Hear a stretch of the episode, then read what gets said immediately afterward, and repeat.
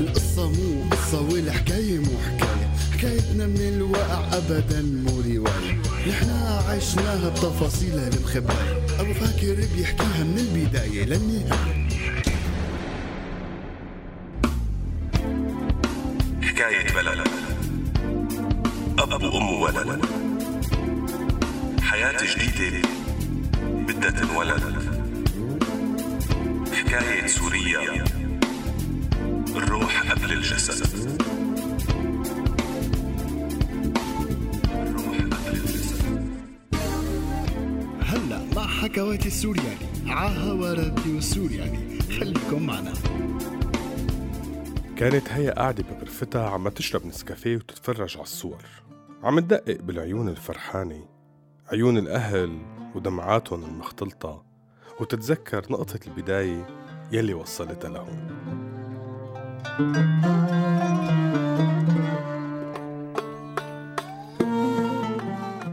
لما كانت هي صغيرة كانت دائما تطلع مع عائلتها على مزرعة بيت جدة. مزرعة حلوة فيها مسبح وكم مرجوحة وزحليطة وشجر. خوخ توت مشمش. ذكريات المزرعة محفورة بعقلها لهلأ. كانوا يقضوا هي وولاد عمها ذكريات ما بتنتسى. شي يحفروا بالتراب متمنين إنه يطلع لهم كنز. شي عفرتتهم على الألعاب وأهم شي عند هيا إنه هالمزرعة كانت هي الدافع لتتعلم السباحة. بلشت هيا تتعلم السباحة مثل كل الأولاد بس كانت متميزة وسريعة لأنه حبتها ولقيت حالها فيها. كانت دائما أول وحدة تنزل على المسبح وآخر وحدة تطلع منه. وقت يتسابقوا الأولاد كانت دائما هي الأولى وكانت تقول إنه بتلاقي بسباحة شي غريب. وقت بتصير تحت المي وبتفتح عيونها بتشوف نقاء وشفافية مو ممكن تشوفهم وهي برا. وشوي شوي بتفرغ كل المشاعر السلبية وبتندمج مع المي لحتى تصير بمثل نقاءة وقت كبرت هيا شوي وصارت أوعى طلبت من أبوها إنه يسجلها دورات سباحة احترافية. يعني تصير تعرف تسبح بكل أنواع السباحة تعرف كيف تشك من العالي. بالبداية عارض وقال لها إنه أنت بتسبحي وبتدبري أمورك شو بدك بهالقصة؟ ما في داعي لاكثر من هيك. شو الفائدة؟ شو رح تستفيدي من هالقصة؟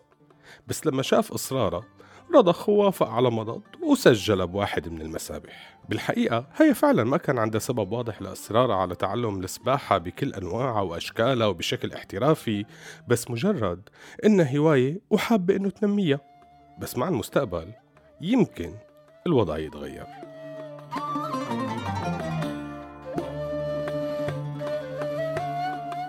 لما صار عمر هيا 12 سنة فاجأتها أما أنها حامل وأنه في بيبي جديد على الطريق حيكون أخ ورفيق إلها الفرحة كانت لا توصف خاصة أنه هالحمل صار بعد كتير محاولات وشبه فقدان للأمل.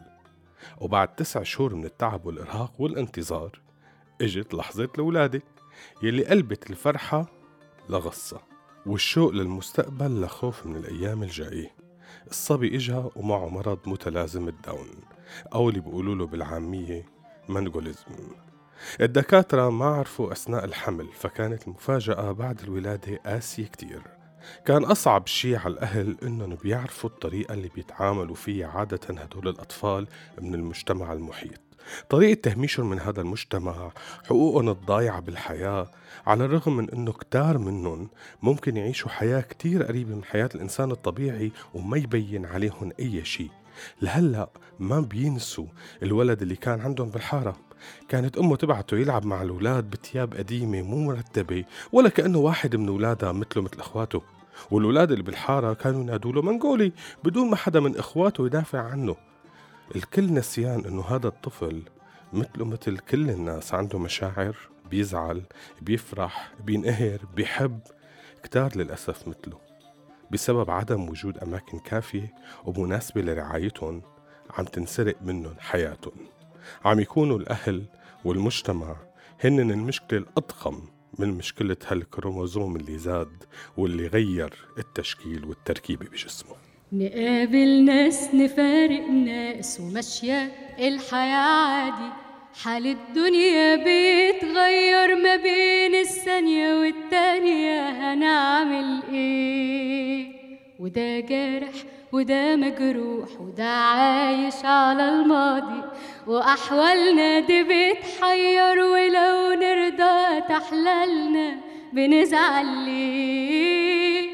ومين الدنيا دايماله؟ محدش ضامن الأيام. يا بخت اللي رضي بحاله وفرق بين حلال وحرام. سؤال وإجابته عارفينها في يوم ما نسيبها واخدين إيه؟ مادام سايبينها سايبينها هنتضايق ونزعل ليه؟ دقيقة. عائلة هيا كانت عائلة. متفائلة وطبيعتها إيجابية خلال كم شهر بلشوا يقدروا يتعايشوا مع الوضع الجديد. وصارت محبة جود الاسم اللي أطلقوه على الوافد الجديد للعيلة يوم بعد يوم تكبر وتنغرس بقلوبهم. صاروا يحبوا كل شي فيه حركاته ضحكاته نظراته على الرغم من غرابتها بس كانت عم تعمل لهم مزيج مختلط بين الحزن والسعادة وبين القوة والخوف. وكل ما عم يكبر عم يتعلقوا فيه أكتر ويخافوا عليه أكتر. بلشوا يحاولوا يتابعوا نطقه وتعليمه. يتواصلوا مع أهالي أطفال مثله يعملوا مجموعات ليتبادلوا الخبرات والتجارب يلي مروا فيها العيال التانية. هالشي ساعدهم على تجاوز كتير من العقبات وتخطي كتير من صعوبات وحالات نفسية سيئة ممكن يمر فيها كل أب وأم لطفل عنده مشاكل معينة. بالوقت نفسه كانت كمان هيا عم تكبر. صارت سباحة على مستوى عالي واشتركت بكتير من المسابقات وأخذت جوائز وميداليات. وبمرة من المرات وبوحدة من الطلعات العائلية المعتادة على المزرعة الكل قاعد ومبسوط شي عم يركض شي عم يسبح فجأة غفلت عينهم عنه لجود يلي ركض باتجاه المسبح وزت حاله مثل باقي الأولاد بده يلعب مثلهم. بالبداية ما حدا انتبه.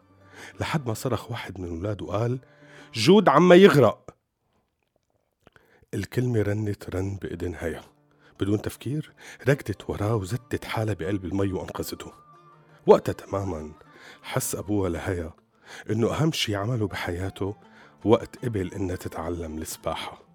الموقف عمل خضة كبيرة بالعيلة. بلحظة كان ممكن يروح من إيدهم ابنهم بس بنفس اللحظة كان عقل هيا ما عم يوقف عن التفكير. في فكرة بلشت تدور ببالها ولازم تلاقي الطريقة لتنفذها فوراً.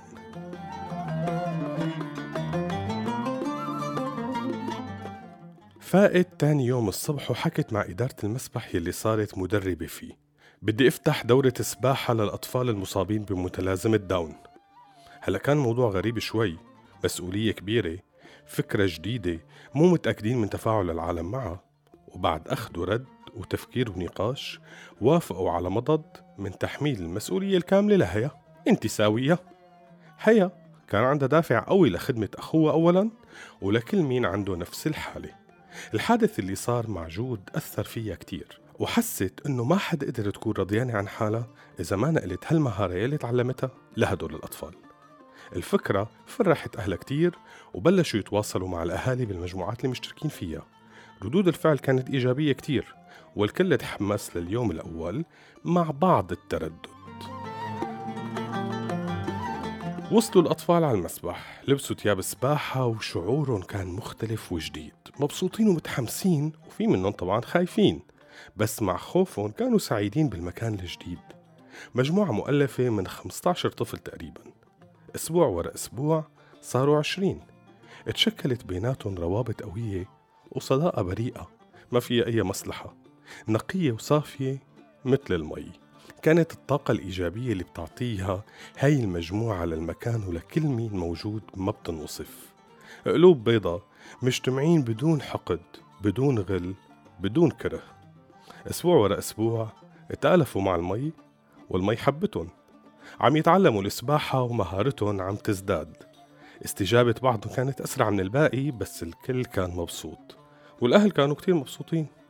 حق من حقوقهم وصلن انعمل لهم مسابقة خاصة وروح التنافس بينهم كانت عالية. وبآخرها أخذوا صورة جماعية يلي كانت ضحكات من القلب وحماس ودموع وفرح معبية الجو. تجربة قدروا يعيشوها بتفاصيلها مثلن مثل كل الناس بس معن كانت أحلى لأنها أصفى وأنقى. استودعناكم.